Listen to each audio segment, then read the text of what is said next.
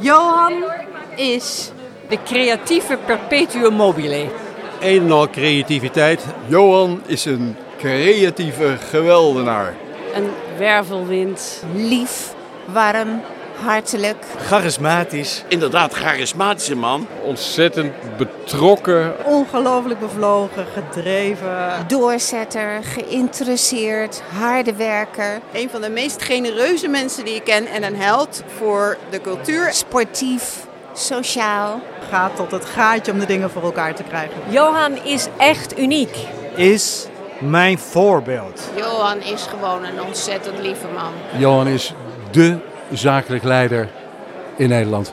Johan is een achtkoppig cello-monster. Iemand waar je heel makkelijk naartoe kunt. En die altijd overal weer opduikt. Johan is Fantastisch!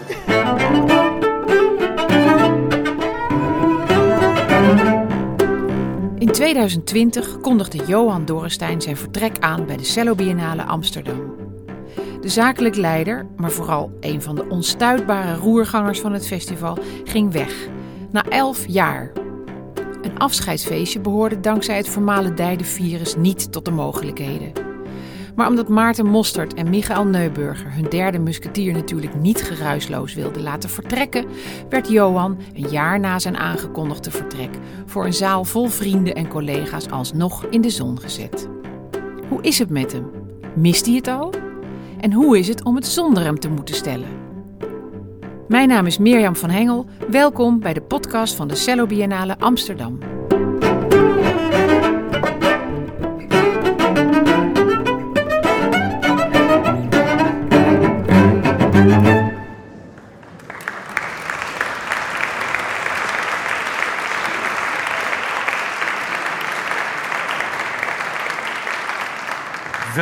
Welkom, welkom, welkom. Wat fijn dat het allemaal weer kan. En welkom op deze feestelijke avond... waar we Johan Dorrestein uitluiden als zakelijk leider... van de Cello Biennale Amsterdam. Hadden we natuurlijk veel eerder willen en moeten doen... maar door bekende omstandigheden, kleinigheidje, kon het niet. En het had niet veel gescheeld... of het was nog veel later geworden. Wat gebeurde namelijk? Gisteren lag Johan nog op bed met schreeuwende koppijn, hoge koorts en een longontsteking. Met wat noodgreep hebben we hem een beetje opgelapt, zodat hij hier nog net kan zitten. Maar dan begrijpt u wel waarom hij niet bij de ingang al stond te springen... om jullie allemaal te huggen, te, te boksen en, en welkom te heten... Zoals, zoals we hem eigenlijk allemaal kennen. Johan, je ziet daar nog een stoel en die staat er niet voor niets. We wilden eigenlijk voorkomen dat je straks nog 200 keer aan iedereen moest uitleggen wat je het afgelopen jaar hebt gedaan, waarom je weg bent gegaan. Had je ruzie met Maarten, misschien met Michael, of wilde je alleen maar met je kleinkind uh, spelen, of wat dan ook. Die vragen, die hoef je nu nog maar één keer te beantwoorden. Mirjam, wil jij het overnemen van ons? Ik ga maar een beetje van die vragen stellen die dus iedereen heel graag aan jou wil stellen. Um, om te beginnen maar de, laten we zeggen, veel te grote, wijdse vraag. Hoe het met je is. Hoe het is gegaan sinds vorig jaar, sinds het einde van die vorige biennale. Nou, eigenlijk heel goed. Tot, uh, tot vijf dagen geleden. Zowel Jeannette als Maarten uh, gaven me eigenlijk hetzelfde advies. Gewoon tegen iedereen zeggen dat het een sabbatical is. Dat snapt iedereen. Krijg je ook geen lastige vragen meer. De sabbatical. Dat vond ik geniaal. Dat heb ik even volgehouden. Maar ik moet je zeggen, ik heb het ontzettend druk. Ik heb, dacht ik, heel vaak nee gezegd, hoewel ik dat heel moeilijk vind.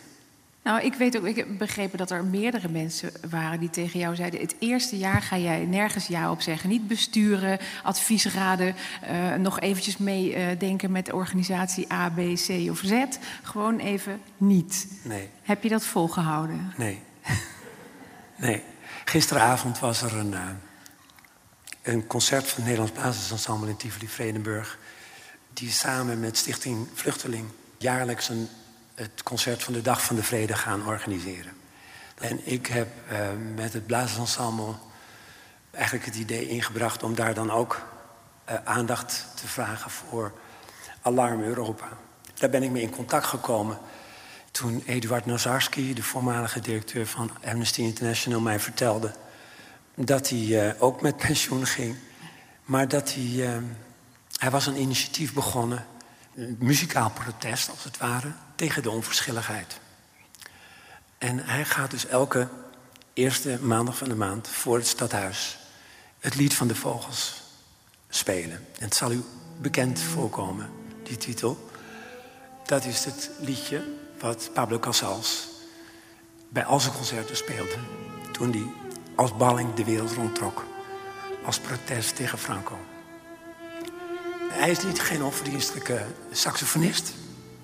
Dus hij staat altijd te spelen. En ik ging daar luisteren. De eerste maandag van februari. IJskoud. Stond ook nog voor het, dat desolate stadskantoor in, in Utrecht.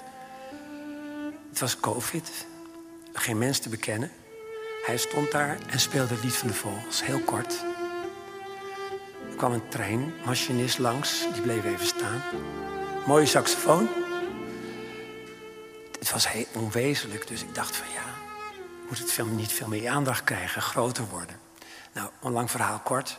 Daar is gisteravond een eerste aanzet voor gedaan door het Nederlands Blaasensemble. Nou, dat is een van de dingen ja. waar ik me dan mee bezig ga. Sorry voor het lange verhaal. Nee, het is, een, het is een mooi verhaal. En ik denk ook, een van de rode draden is, zijn inderdaad deze maatschappelijk betrokken en geëngageerde programma's die jij maakt. Ik bedoel, die heb je voor de Biennale gemaakt. Je hebt je hielen nog niet gelicht of je bent alweer betrokken bij een vergelijkbaar project ergens anders. Waar komt dat vandaan bij jou, die hele betrokkenheid, die sociale bewogenheid?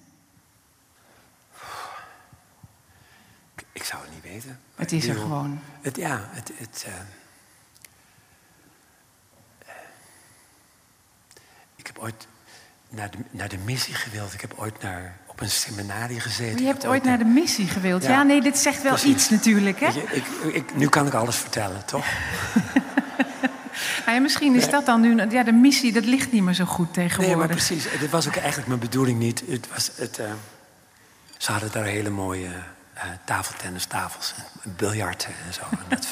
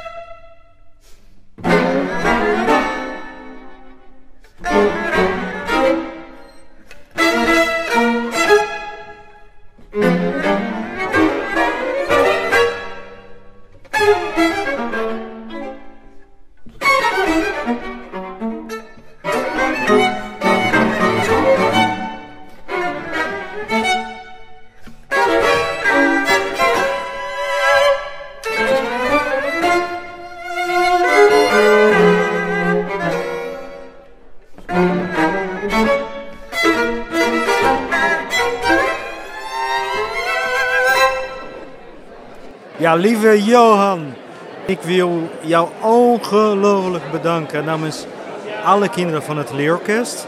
Want je hebt ze gezien en dat is echt heel bijzonder. Ik wilde je eventjes eh, bedanken uit de grond van mijn hart voor alles wat je voor mij, ons en onze stichting gedaan hebt. Ik wil jou ongelooflijk bedanken voor de fantastische jaren samenwerking. En um, ja, ik moet zeggen, ik kijk enorm tegen je op. Je bent echt een, eh, een voorbeeld voor mij hoe, uh, wat je kan betekenen voor de podiumkunsten, voor jong talent, uh, jouw engagement ehm, wereldwijd. ja, je bent echt een inspiratiebron. Ik wil je namens het hele nieuw Geneco ongelooflijk hartelijk bedanken voor alles wat je voor componisten hebt gedaan met open hart, open vizier en uh, ja, ongelooflijke inzet voor de muziek, voor de cello, voor de blaasmuziek, voor de nieuwe muziek. Dank je wel, Johan. Dag. Michael, jij bent al jaren bij het festival betrokken als producent en nu ben je officieel zakelijk directeur, wat Johan eerst was. Zijn dat grote schoenen om te vullen?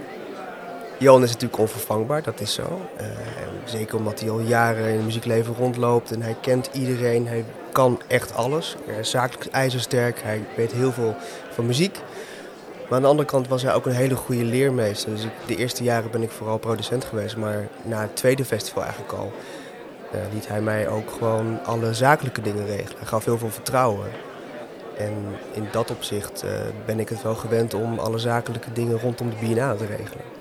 Dus jij bent al een beetje in die schoenen geschoven eigenlijk, vanzelf? Ja, hij heeft zijn schoenen aan mij gegeven een beetje. Hij heeft iets grotere maat, hij is ook wat langer. Maar uh, ja, in dat opzicht zeker. En ga je een tweede Johan proberen te worden? Nee, dat denk niet dat dat goed is. Johan is, uh, is uniek, dat weet iedereen, uh, wat hij allemaal kan. En natuurlijk, hij heeft mij heel veel geleerd, wat ik net al zei. Maar aan de andere kant denk ik dat het goed is om ook je eigen signatuur een beetje te geven aan de plannen die je schrijft. En ik denk dat Maarten en ik, zeker omdat we de laatste jaren natuurlijk samen met Johan al zo op elkaar ingewerkt waren, dat we gewoon een eigen manier van werken ook met z'n tweeën hebben. Jij bent cellist. Nu zijn er twee cellisten aan het hoofd. Ja, uh, inderdaad. Ik heb nog voor Maarten les gehad. Eén uh, of twee keer toen ik uh, eerst in Utrecht studeerde. Toen heb ik twee keer van Maarten les gehad in Amsterdam, omdat ik misschien naar Amsterdam toe wilde. Ik ben daarna meteen gestopt natuurlijk, want het was echt een grote deceptie. Nee, ik kreeg een blessure, dus dat was het. Maar um, ja, inderdaad, twee cellisten. En dat maakt het ook wel leuk. Wat ga jij missen aan de afwezigheid van Johan? Ik denk dat de manier waarop hij naar alles keek, dat we dat wel gaan missen. Want uh, een van de dingen die Johan altijd zei, maar echt bij iedere uh, vergadering die we hadden, hij zei altijd, ja maar draai het eens om. Dus dan hadden wij een idee en dan zei hij, maar draai het eens om.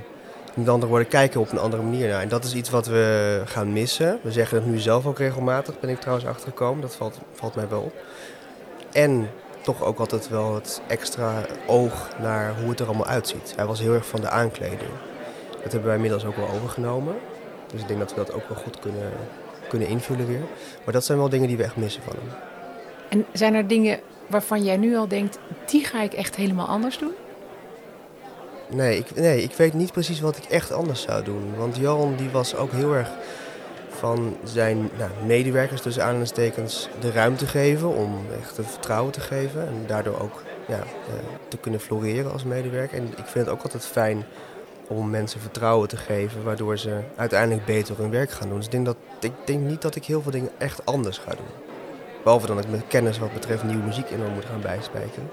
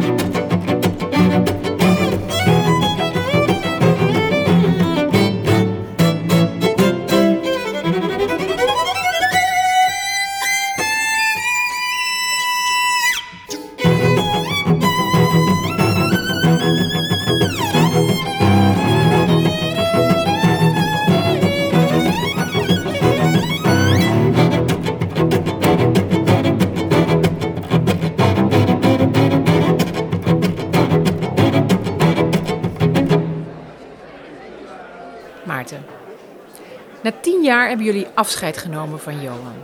Hadden jullie zijn vertrek zien aankomen? Niet zo snel, eerlijk gezegd. Hij was natuurlijk iets ouder dan wij, maar ik had eigenlijk zeker gedacht dat hij tot en met 2024 zou doorgaan. Een beetje eind van het kunstenplan waar we nu in zitten. En hij heeft daar een prachtig verhaal voor geschreven, voor, voor het Rijk en voor, voor, voor fondsen. Dus hij zat er helemaal in heeft allemaal dingen uit zijn duim gezogen die we moesten gaan doen de komende paar jaar. Nou, is hij er zelf niet bij. Nee, dus dat had ik niet verwacht. Johan had besloten dat hij wegging. Hoe ging dat? Belde hij je op? Hoe heb je dat gehoord? Hij belde op eh, terwijl ik een concert in Arnhem had met Amsterdam Symfonie. Hij zei van ja, ik wil vanavond met je praten.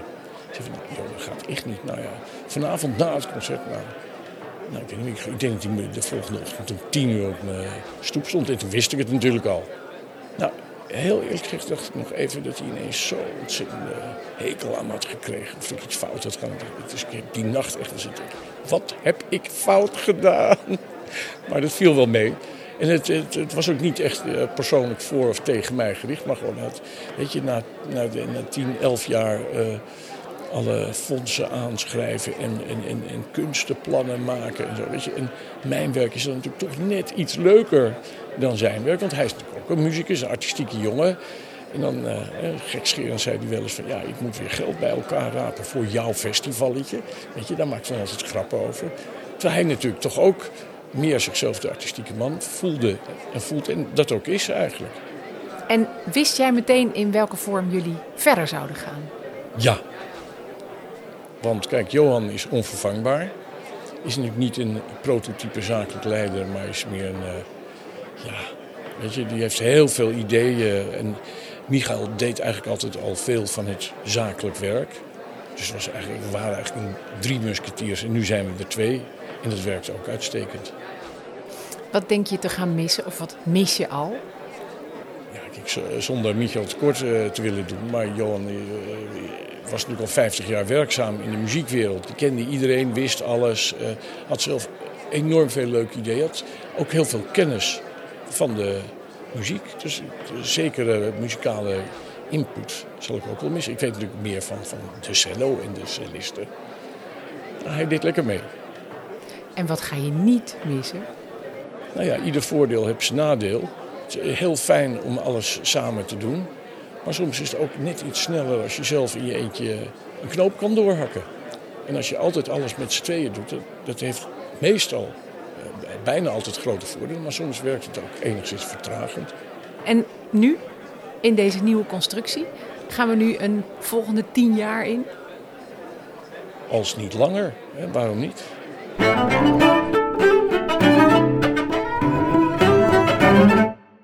Johan. Jij bent weggegaan vorig jaar. Ehm, we willen natuurlijk eigenlijk allemaal nog even weten waarom eigenlijk. Want met pensioen, dat was toch eigenlijk nog niet aan de orde? Nou, zo heb ik het ook nooit genoemd. Nee. Je wordt zo, zo wel bejegend. Dat, en ik, ik merk van mezelf dat ik dat helemaal niet meer zo erg vind. Uh, ik had wel bedacht, na zes biennales... We hebben zoveel mooie dingen gedaan. Eigenlijk bijna in mijn beleving. Wat, wat ik dan zou bedacht hebben rondom de cello.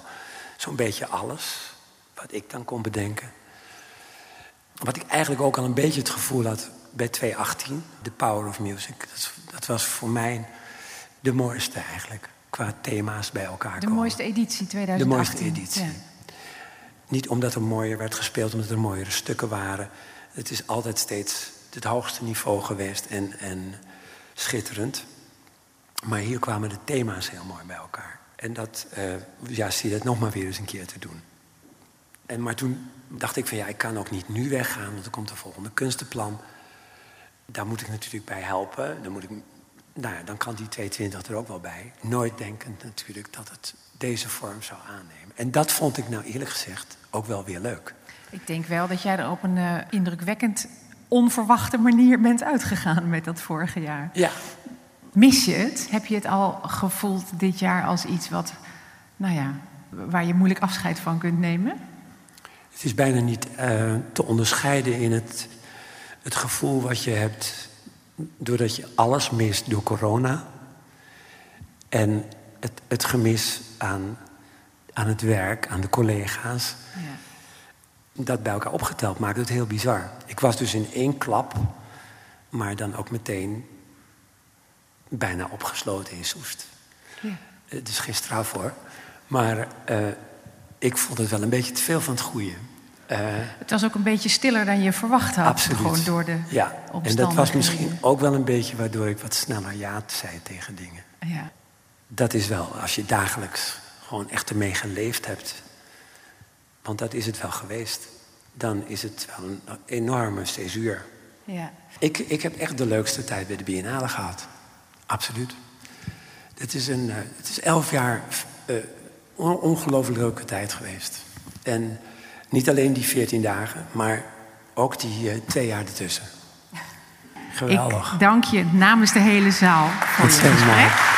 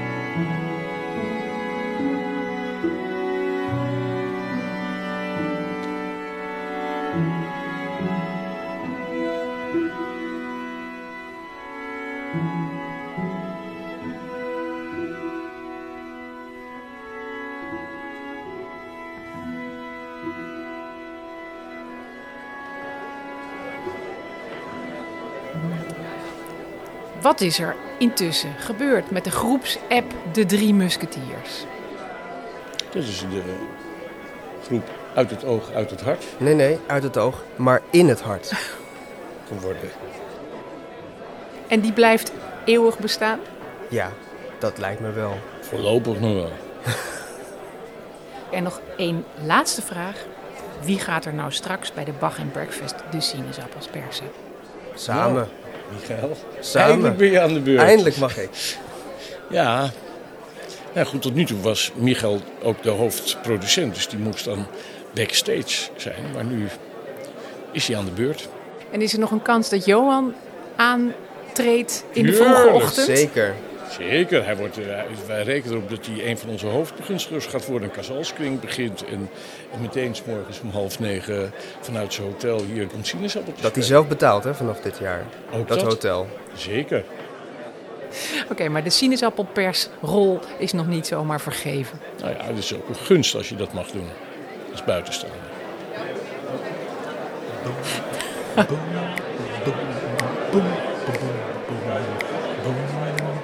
Who's the man? Johan, yeah. Who's the man? Johan, yeah. And who can do it like Johan? Oh, nobody can. Who's the man? Johan. Who's the man? Johan. Nobody can do it like Johan can. I said, nobody can do it like Johan can. En dat is de waarheid, Johan. Verliefs. En we kijken uit naar de toekomst. Oké, okay, dag.